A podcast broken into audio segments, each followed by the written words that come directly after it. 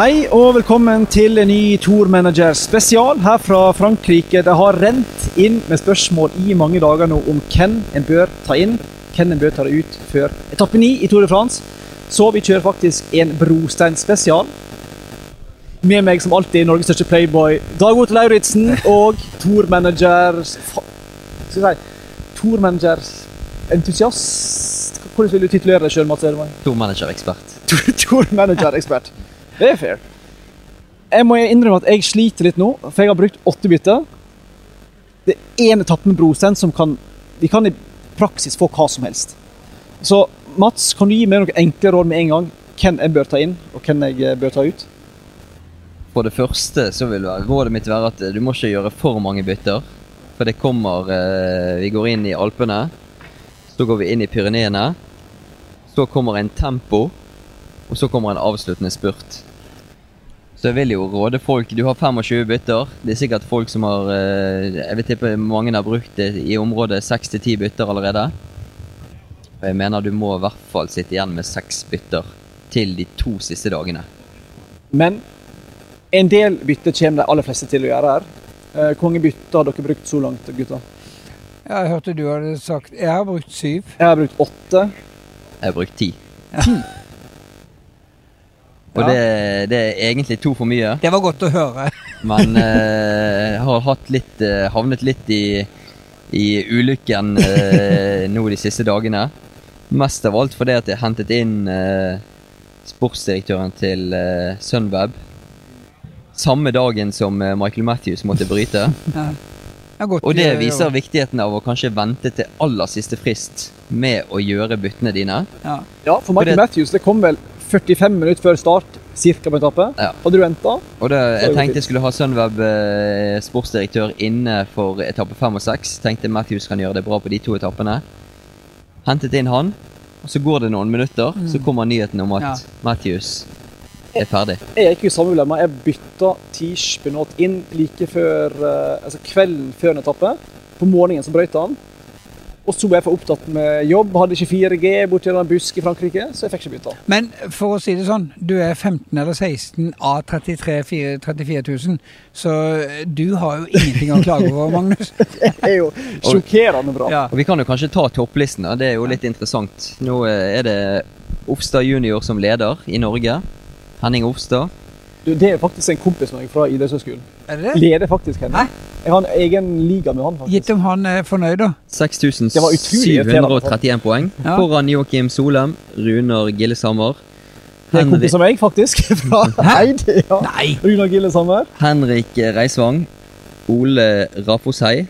Det tror jeg faktisk er en tidligere fotballkeeper i Mandalskameratene.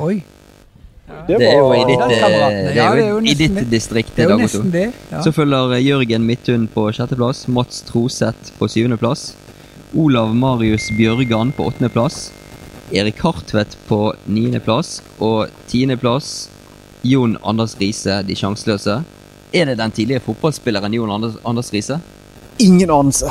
Kanskje han kan gi oss en lyd på Twitter om, om det, han. Tidligere HamKam-legenden, det hadde Marius eh, Skjelbæk satt stor pris på hvis eh, HamKam-spillere blander seg inn i, i, i toppen her. Han spiller vel ikke for HamKam nå lenger. Jeg tror det er kanskje Moelven som, eh, som er Men, hans altså- lag. Jeg er altså på 15.-plass, og jeg har kompiser på første- og tredjeplass.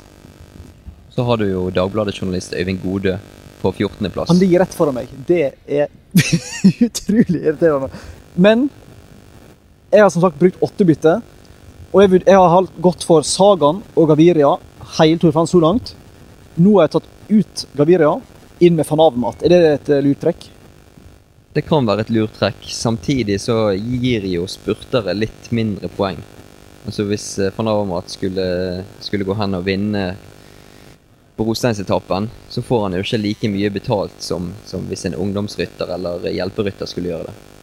Så hvis du finner eh, noen spennende ryttere i, i de to kategoriene, så er jo det absolutt det du kan tjene mest på, da. Dag Otto, hvor mange bytter har du tenkt til å gjøre nå?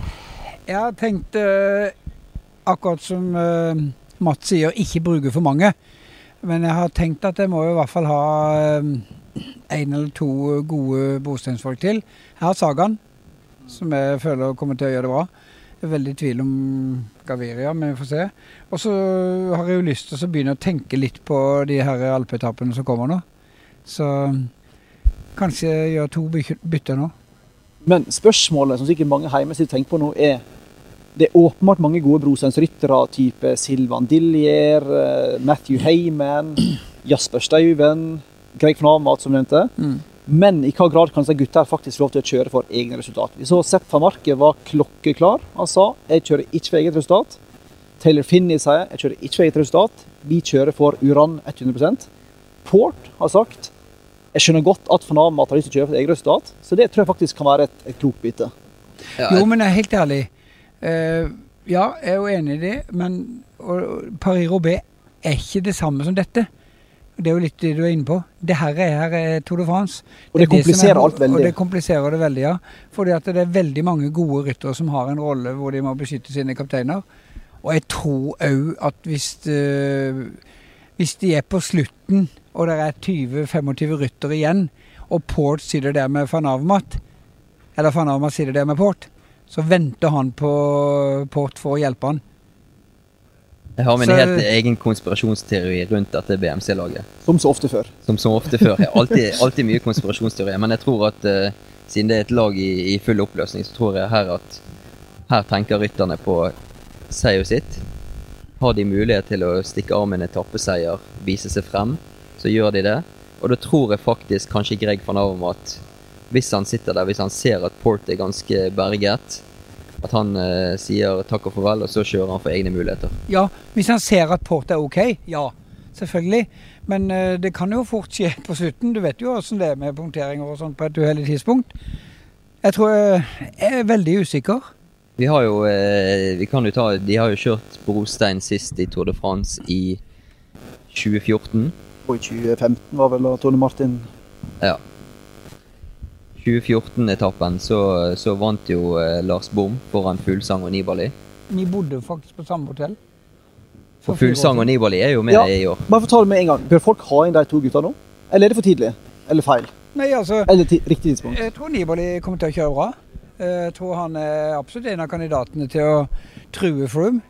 Så, og Fuglsang er kjempebra.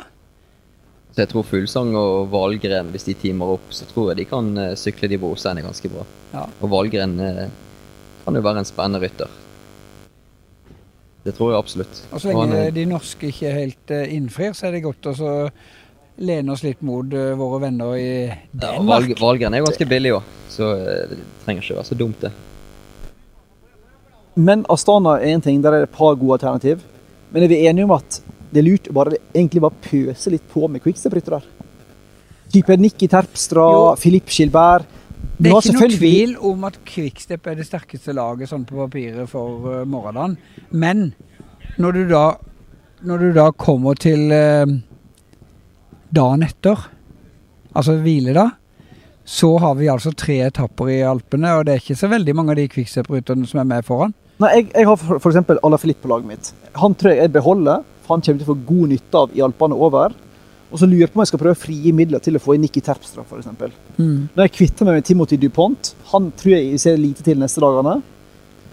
Men så sliter jeg, for jeg må klare å frigi litt mer penger, så jeg må prøve å kvitte meg med enten Valverde eller Mart. Jeg må nedgradere en kaptein tror jeg, for å få nok penger til Terpstra. Terpstra tror jeg kan vinne i morgen. Han har selvfølgelig Bob Jungel som sammenlagt kandidat på sitt lag sittende i feltet.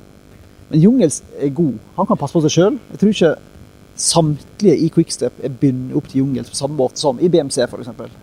Nei, jeg tror eh, altså, Det er veldig mange på det quickstep-laget der som eh, Altså, de er litt mer eh, fri.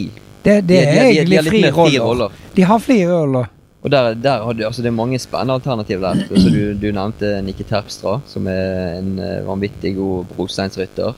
Og så har du Yves Lampert, som òg er en fantastisk brosteinsrytter. Og han er vel ikke så Sorry. all verdens dyr heller ennå. Nei, han er ikke dyr, og det er ikke så mange som eier han. Så, så det kan være et alternativ, hvis ikke pengene strekker til. Eh, og så har du selvfølgelig, du nevnte Jasper Stuyven eh, litt tidligere. Han ble jo faktisk eh, nummer fire i, i 2017-utgaven av Paris-Roubais. Men han har Bauke Mollema, da. Bau- Ikke av Paris-Roubais, men av denne etappen. Nei, Paris-Roubais. Paris-Roubais. Ja. Men han tre- Per Uke Mollmann trenger vel litt hjelp? Ja, jeg tror han trenger hjelp. Ja, og han har, han bare seks hjelperyttere i tillegg, da, etter å han mista Germai. Så det kan være at Stoiven blir litt for bundet opp. Men det, det jeg tenker, hvis du ser altså det, Paris-Roubais kan jo være en grei sånn målestokk for å se hvem, hvem som takler brostein best. Og så gjelder det å finne de rytterne som ikke er for bundet opp til kapteinene sine. Mm. Og Peter Sagan er jo liksom den, den soleklare. Han, han er jo den store sjefen eh, på det laget der. Han eh, Han er bare å beholde hvis du har han allerede. hvis du har han. Hvis ikke du har han, så er det bare å få han inn. For det kommer eh, etter, etter, etter brosteinsetappen, så kommer det På de tre neste etappene der, så er det, tror jeg det er to toppfinisher. Og da er det ofte, når det er sånn toppfinisher, så er det ofte at det er en utbrytergruppe, og så kommer favorittgruppen og spiser og spiser og spiser. Så er det ofte at uh, de store sammenlagtkanonene er de som gjør opp om, om seieren på de toppene. Der tror jeg ikke vi kan regne med Sagaen. Uh, sånn sett. Så, så jeg vil i hvert fall ikke bytte for mange ryttere inn bare pga. Uh, brosteinsetappen i morgen, selv om den kan uh, Du kan tape Tour de France i morgen, men jeg tror ikke du kan vinne den. Men du må, være, du må eh, minimalisere eh, tidstap. Og det er liksom sånn synd med en eh, god mann som eh, Dan Martin, som lå an til å være podium i fjor. Og så får han nye uhell i år igjen som setter han tilbake. Det er jo tragisk. Men det, det, det jeg tenker på eh, først og fremst der man kan spare penger, er jo på, på spurtplass de neste, altså den neste uken og egentlig de neste to ukene. Ja, nesten der, altså. Folk sier at det er tre spurtetapper igjen. Jeg er litt skeptisk til det. Den eh, etappe 13 eh, regner folk som en spurtetappe. Så tror jeg det er etappe 18, og så er det Champs-Élysées. Eller etappe 13 lukter litt brudd, spør du meg. Ja. Etappe 13 Etter eh, fjellene så er det mye lettere å få etablert et brudd. Akkurat. Og det er jo de. Du ser jo de nå at ingen vil eh, slippe et brudd. Men eh, det er jo typisk, som du sier, en etappe hvor eh, mange flere vil prøve. Og jeg tror den første timen der kan bli knallhard med, før det får etablert seg et brudd. Men kommer du av gårde i brudd der, så er sjansen for at de kan gå inn mye større når du ligger ute av sammendraget. på etappe 13, hvis jeg hadde vært sportsdirektør i, i Bora, hvis, eh, som jeg har åpenbart ingen kvalifikasjoner til å være, så hadde jeg tenkt at der kommer det en ganske tøff tredjekategori- tredjekategoristigning ganske tidlig. Og hvis Bora-laget setter seg foran og kjører full maks eh, fart opp den tredjekategorien der, så kommer eh, folk som Kittel, Grøneveggen, Cavendish til å falle av. Og da kommer Sagaen kanskje til å sitte igjen med tidenes enkleste seier på den etappe 13. Da sitter, så hvem som sitter igjen da, hvis de kjører maks på den tredje kategorien der? 2,4 km på nesten 7% Da sitter igjen Sagaen, da sitter igjen kanskje Edvald. Og så eh, kanskje eh, Degenkolb på en god dag. Så det, det er ikke mye konkurranse for Sagaen på den etappe 13. Nei, men har du sett hvor langt det er til mål? Altså, øh, de begynte å kjøre i sidevinden i går. øh, 80-90 km før mål. Og når de hadde 45 sekunder, så stopper de fordi det er så langt til mål. Det tror jeg kan skje her òg, men jeg tror det er større sjanse Det er personlig, da. At det er større sjanse for at det går et brudd, enn at et lag som Bora kjører hardt i de fjellene. Fordi de vet at uh, spurtlagene vil da samle seg, og så har de over 100 km til å hente det igjen. Ja, det, Men, det, eh, det, det, er jo det er jo at Sagan. Sagan, Sagan leder den poengkonkurransen med så mye at han tenker at eh, kanskje ikke det er vits for oss å, å kjøre hardt på den etappen. Men- Sagan er jo der uansett. Han er jo, han er jo så smart og han er så flink til å plassere seg at han er jo med på det meste. Jeg vil bare dvele i én ting. dag, Otto. Ja. Uh, Mats, du er inne på at i BMC, med Greg van Amat, Richie Port At du har en situasjon der mange ryttere kanskje kjører litt for egen muligheter, i og med at laget etter alle solmerker ikke eksisterer, i alle fall ikke i samme form neste år. Mm. Da, Otto, du vet jo litt hvordan det fungerer i praksis. Med lag som en veit slutter. Jeg har vært på sånne lag. Ja, det er det jeg mener. Hvor, er virkelig ryttere så egoistiske at de bare driter i beskjedene de får da?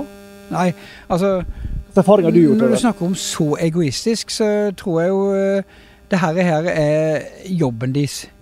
De er interessert i en kontrakt. eh, Og det er absolutt ikke alle de rytterne som er garantert å få nye kontrakter. Så hvis du er eh, kan du si, midt på treet og får tilbud om en kontrakt på et annet lag, så tror jeg mange er mye Det er lettere å si ja enn eh, å tenke at jeg venter i tilfelle vi finner en ny sponsor. Og så er det noen av de gode rytterne som allerede har blitt mast på veldig lenge. Og vi har jo hørt rykter om at både den og den og den har allerede skrevet under. Selv om ikke det skal være offisielt før i august. Så jeg tror jo her er det hver mann som egentlig må tenke på seg sjøl, at det handler om fremtida. Men hva, men hva betydning for det du sier nå for etappen i morgen, da? Ja, det har jo en betydning i den forstand at uh, kan godt være din teori er riktig, med at van Avmat uh, vil gjerne Men han har så gode palmarès fra før. Han er olympisk mester, han har kjørt med gul trøye, han har vunnet etappe. Så jeg tror ikke han får noe mer lønn om han klarer å beholde den gule trøya én dag til. Jeg tror faktisk det for BMC og for van Avmat er ikke så veldig mye. For han vet at han kommer til å miste når du kommer inn i Alpene allikevel. Ja, men jeg, jeg tror det henger veldig høyt for van Avermaet å vinne i Robé med den gule ledertrøyen. Han trenger en seier, fordi selv om Van Avermaet har som du sier, et fantastisk liste med resultat, så står ikke lagene i kø, sier de som har peiling på dette. Nei, det er foreløpig Nei, han har bare fått ett tilbud, hører jeg. Ja, angivelig skal det visstnok bare være Dimension Data, for Bahrain Merida har visstnok trukket seg ut. da. Jeg snakka med han um, Det var riktignok off record, men tidlig på at Luca Guercilena i Track hører på denne podkasten. Han, han bekrefta at uh, jeg spurte han, har dere signert Richie Port. Ja, ja, selvfølgelig, for lenge siden, sa han. Så han har funnet et nytt lag. Han har mat, fortsatt på leit. Han har ikke signert noen plass ennå. Så hvis han kunne få den etappeseieren han Ja, men tror du han får, han han tror han har større så sjanse hvis han får én etappeseier til? Jeg tror, han jeg, tror han, jeg tror han er enklere å slå gjennom at jeg vil ha denne lønna. For det de sier med Avermaet, er at det står på lønnskravene hans. At det er derfor en del lag trekker seg unna fordi han har så høye lønnskrav. Ja. Han har ikke vunnet mange sykkelritt i år. Litt skuffende klassikersesong. Hvis han vinner en brosenstappe i Tour de France med gul trøye, Ja, tror jeg folk skjønner at ja er markedsverdien nok hans er ganske stor. men uh, jeg tror jo han er en såpass satsete mann når det gjelder klassikere og forskjellig at han uh, Og jeg har jo hørt rykter om at uh, BMC, da, eller sjefen Okovic, er veldig nærme å close et eller annet. Men hva et eller annet er? Er det CCC som kommer og uh, på en måte kjøper eller overtar lisensen og, og bare putter sitt lag inn der? Eller eh, er det det at de får en ny sponsor som dekker eh, deler av budsjettet, så kan det godt være at han har lyst til å bevare van. Men tilbake til brosteinsetappene. Hvem tror du, Magnus? Hvem, altså, hvilke lag kommer til å, å sette sitt preg på denne, på denne brosteinsetappen? Sky, BMC, Quickstep. de tre lagene i Ja. hovedsak. Så jeg tror Michelin Scott har mange gode ryttere, men Adam Yates er ingen sånn fantom på brostein. Du må passe på han. Ja, litt mer defensivt, tipper jeg. Ja. Jeg tror veldig mange lag, type Trek, Michelin Scott, Movistar Movistar har jo eh, Katusha noen, ville ønske mest å bare komme seg gjennom i morgen, istedenfor å jakte seieren. Men jeg tror det er de tre lagene Hva skulle du si Dagot, om Movistar? Nei, altså, Movistar har jo i utgangspunktet, før vi starta her, et fantastisk sterkt lag med tre vinnerkandidater. Og så har de eh, egentlig vært litt uheldige. Men eh, Valverde klarer jo greit dette. Men de må passe på Quintana, for det er jo liksom han som er deres number one. Kjente vil det jeg tro. kjempedårlig stemning på det der bussen i Movistar når Er? Quintana krasjer i morgen. Valverde, som du sier, meget god brosteinsrytter. Det Ja. så vi i Dvarstad og Flandern i år. Mikkel Landa er jo et wildcard. Han bryr seg mest om seg sjøl. Ja, Så når Quintana blir sånn lagt i stikken, Ja, ligger i gjørma der i morgen, da Hva skal jeg si? Valverde ble jo nummer 26 han på den brosteinsetappen i, i 2014. Så han, han, han ligger, også, han. han ligger foran der. Og da eh, Geraint Thomas, selvfølgelig. En opplagt kandidat hvis du har pengene til å hente han. Hvis du har han fra før av, så definitivt behold han. Eh, Richie Port ble nummer 20 på den, eh, på den etappen i 2014. Så han eh, er en habil, habil brosteinsrytter. Var Selvfølgelig forfulgt av eh, uflaks og uhell, Richie Port. Altså, altså, han og Dan Martin går inn i samme båt. Og Geraint Altså, Thomas. Ja, og Jan Thomas. Hvis de Ja. kommer, hvis de kommer gjennom brosteinstappen, kommer garantert til å velte i nøytral sone på Og mandag. TJ van. Galen. Ja, Han, er litt i, Ja, er han ligger i samme båt. Og hvis Mikael Kvedkorski hadde syklet på et annet lag enn Team Sky, så ville jeg anbefalt han til alle. Han, eh, Han er bundet opp. opp. både han og Gianni Moscon er jo gode brosteinsryttere. Eh, ja. Så hvis du, sitter, hvis du sitter på en type Moscon, så tror jeg ikke jeg ville byttet han ut med noen andre. Sånn, eh, sånn umiddelbart. Han kan Men Kristoff kan klare seg. Nå, nå snakker vi jo veldig mye om Kristoff. Er bra på brostein, selv om ikke det var hans favoritterreng. Han er jo bedre i Flandern. Edvald har jo òg gjort det bra her. Så det er gøy om eh, de kunne ha fått eh, beina rundt oss, sånn at de kunne vært med i teten. Jeg tror, jeg tror altså, begge de to norske er egentlig i en drømmeposisjon. Sånn du tenker på posisjon innad i laget Ja. før den brosteinsetappen. Ja. De har ikke noen de må passe på. Nei, De kan kjøre for egne muligheter, og det er ikke det, er ikke det alle gode brosteinsryttere som har. nei. Jeg vurderte å ta inn Kristoff, faktisk. Jeg er helt mot Fanama til stedet. Men det er òg andre spurtere. da. En ting er norske, men det er òg type Arnaud Demar, veldig god brosteinsrytter. Mm. Du har Jon Degenkolb, som Han, i alle fall eh, en gang i tida var veldig god. Han er fortsatt brukbar. da. Han er det. Du har spurte spurtere faktisk Magnus Kort Nilsen, ikke UFN. Sonny Colbrelli, ikke UFN. Det er mange velgere, da. Men jeg har altså gått for van Avmat og Sagaen. Hva spurte du det du Ja, jeg har, eh, jeg har Sagan og Gaviria foreløpig, men jeg har ikke bytta ennå, så jeg har tenkt å bytte. Jeg sitter fortsatt på Sagan og Gaviria, men jeg tror Gaviria ryker ut. Men det, det er jo litt spennende å se på, eh, hvis du ser på den eh, Paris Robé fra 2017, så er jo en type som altså Arnaud Demar ble nummer seks. André Greipel blir nummer syv. Edvard Tøyns blir nummer åtte. Han er jo hjelperytter i, i, i spillet. Så altså, det fins jo Du kan jo være heldig Mm. plutselig kan Greipel være med og gjøre et stunt. Han jo, pleier å gjøre litt sånn stunt på brostein. Eh, han liker det. Mm. Eh, men eh, i utgangspunktet så vil jeg anbefale quickstep-ryttere til brostein. Ala Filip, eh, han gikk jo eh, i bakken i dag. En liten smell på Ala Filip der. Vi vet ikke helt om hvor skadet han egentlig er. Han er jo ingen fantom på brostein, men han kan være veldig fin å ha på etappe 10, 11, 12. Ja, 13 til og med. Men, Ja. Ala Filip. ja, ja, ja. Altså Ala Filip, la oss si at Han var uheldig i dag, da. Ja, men la oss si at han taper eh, 6-7-8 minutter på brostein, da, som kan skje. Så er han plutselig i en posisjon der han kan angripe på etappe 10, 11 og 12. Akkurat som Dan Martin som krasja i dag, Ja. altså fredag vi spiller denne podkasten, kan være gull verdt neste uke hvis han taper masse tid på Ja. brosteinen. Kan han bare gå og vinne to-tre etapper til. da vinner de etapper. Så jeg vil anbefale alle tourmanagere å se på Ja. alle gode klatrere som taper masse tid på brostein. Det kan være fantastisk å ha inn mot etappe 10, 11 og 12. Mm. Det er bra, gutter. Skal vi bare um, gi publikum noen få gode forslag til enten kupp eller ryttere en kanskje ikke har tenkt på å bør ta inn? Er det noen, er det noen ryttere vi bør ha um, oppsett, til en billig penge, så vi kan smekke inn på et lag her? Det, det er jo ikke så mange til en billig penge, men hvis du skal ha en til en billig penge, så kanskje Yves Lampert i, i Quickstep. Alle, alle, alle quickstep-rytterne er jo faktisk bra. Dyrere alternativ er selvfølgelig Nikki Terpstra hvis du har penger til det. Nikki Terpstra han driter i lagordre. Så selv om han får beskjed om å hjelpe Jungels, han driter i han kjører på. Nei, mener du det? Ja, det mener jeg. Så kan jo eh, plutselig, plutselig kan hele Sky-laget bare fly over de brosteinene og bare pulverisere hele feltet. Og da kan plutselig Chris Froome være en mann som eh, kan blande seg inn i toppen på etappen. Ja, Så det skal, skal ha mange sterke ryttere som kommer, kan eh, legge seg i front og virkelig markere seg i det løpet. Så er det spennende dette de EF. EF Education-laget. Hvor, eh, hvordan er Rigoberto Uran på, på brostein? Han har vanvittig mange gode hjelpere rundt seg. Sepp van Marke. eh, din gode venn Finni. Mm. Du kjenner jo faren hans. Jeg er mest venn med faren, da. Han sønner er litt for hipster for deg. da. Eh, ja. Men eh, Davies Finney er en eh, fantastisk fin eh, fyr, som dessverre har vært ganske syk de siste. Men eh, han eh, var en god rytter, vunnet etapper i Tour de France og Italia rundt og litt av hvert. Og de to nordmennene vil jeg faktisk nevne.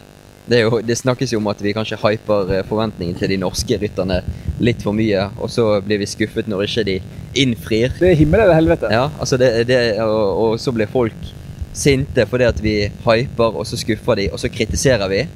Sånn er jo det. Sånn er livet. Du er god der. Veldig god der.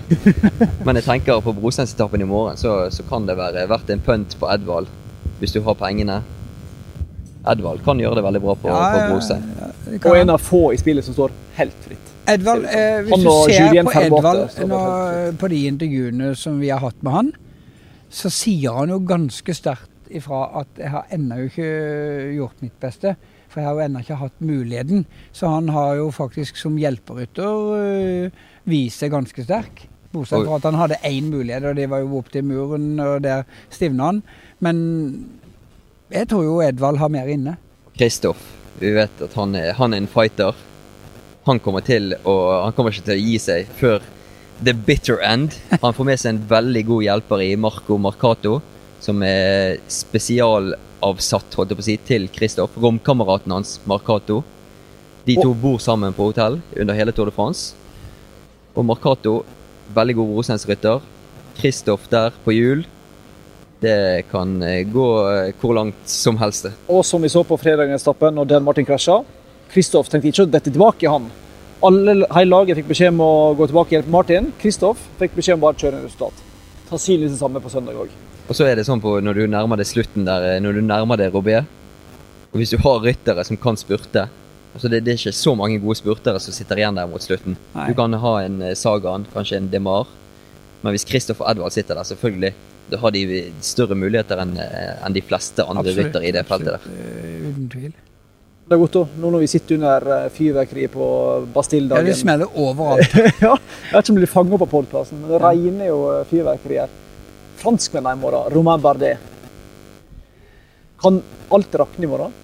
Eller på Ja, søndag? altså, vi har jo sagt det at eh, du kan tape Tour de France. Eller tape mulighetene i eh, denne etappen som går til Robert.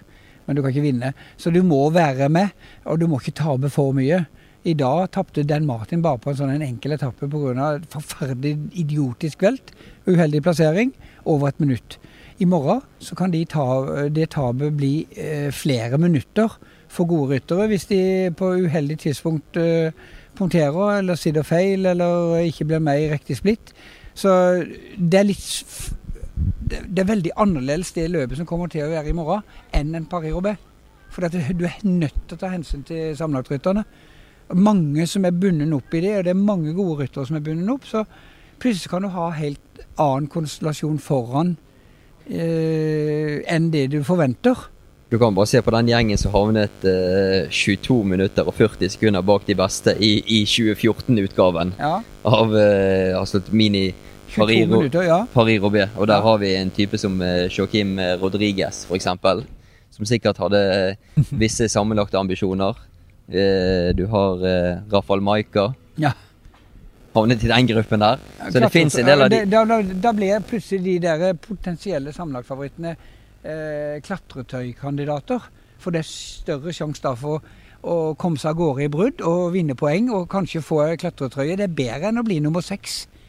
Da står du på podiumet på Champs-Élysées og sånn. Så det, det er nok noen av de der eh, gode eh, rytterne som vi har tenkt at kan være en eh, podium...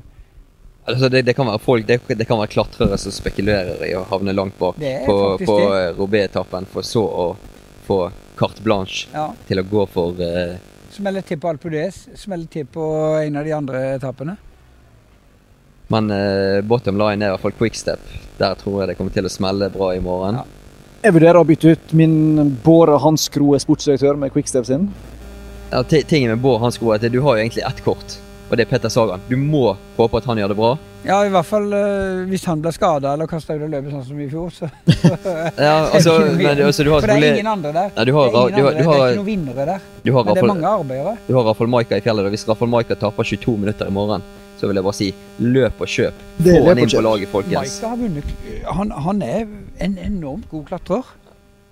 Men du, du kan jo selvfølgelig være heldig hvis Sagan punkterer og ikke er med i morgen, så er jo Daniel Aas en eh, fantastisk brosteinsrytter. Er. Ja. Men vi kan ta for oss fjella på mandag på Kvilagen. Da spiller vi inn en ny podkast der vi oppsummerer både Tour de France så langt. Og ser fram mot Tourmanger um, uke to. det blir spennende.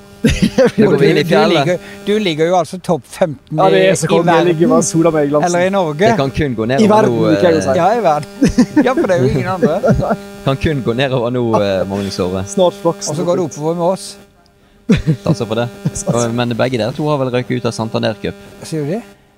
Det er vel kun én av oss igjen som er, som er, som er Ja, jeg kan ikke skjønne hvordan den 15. beste tomanagerspilleren i verden røyker ut i andre runde i Santander Cup. Jeg skjønner ikke jeg De har plukka en veldig sterk motstander, da. ja, Det må Men være det. Kompisene Kompisen min fra Eide, da, som har uh... Vi kunne ikke vunnet den allikevel, men uh, det er gøy at folk er med og spiller. Det er i hvert fall noen av oss som bare flyter videre. Ja, bare gi gass, du. Jeg skal ta det på slutten. Lykke til i morgen, gutta. Både med arbeidsdagen og med tomanager spesielt. Og treningstur på morgenen. Treningstur på morgenen og alt annet du driver med. Det er fint. Klokka vet ikke når sendinga begynner i morgen. Eller på søndag. Vet dere? Ikke helt sikkert, Det burde vi hatt foran oss. eh, Men skru på TV-en. Sendinga varer lenge. Rittet begynner halv tolv, så vi er i alle fall i gang da. Se på Paris Ja, da begynner sendinga ca. 11. Det varer fram til eh, VM-finalen. Så bare sett seg godt til rette og kose dere. perfekt eh, oppladning da, til, til VM-finalen. Og husk å gjøre bytter i tide. Vi snakkes!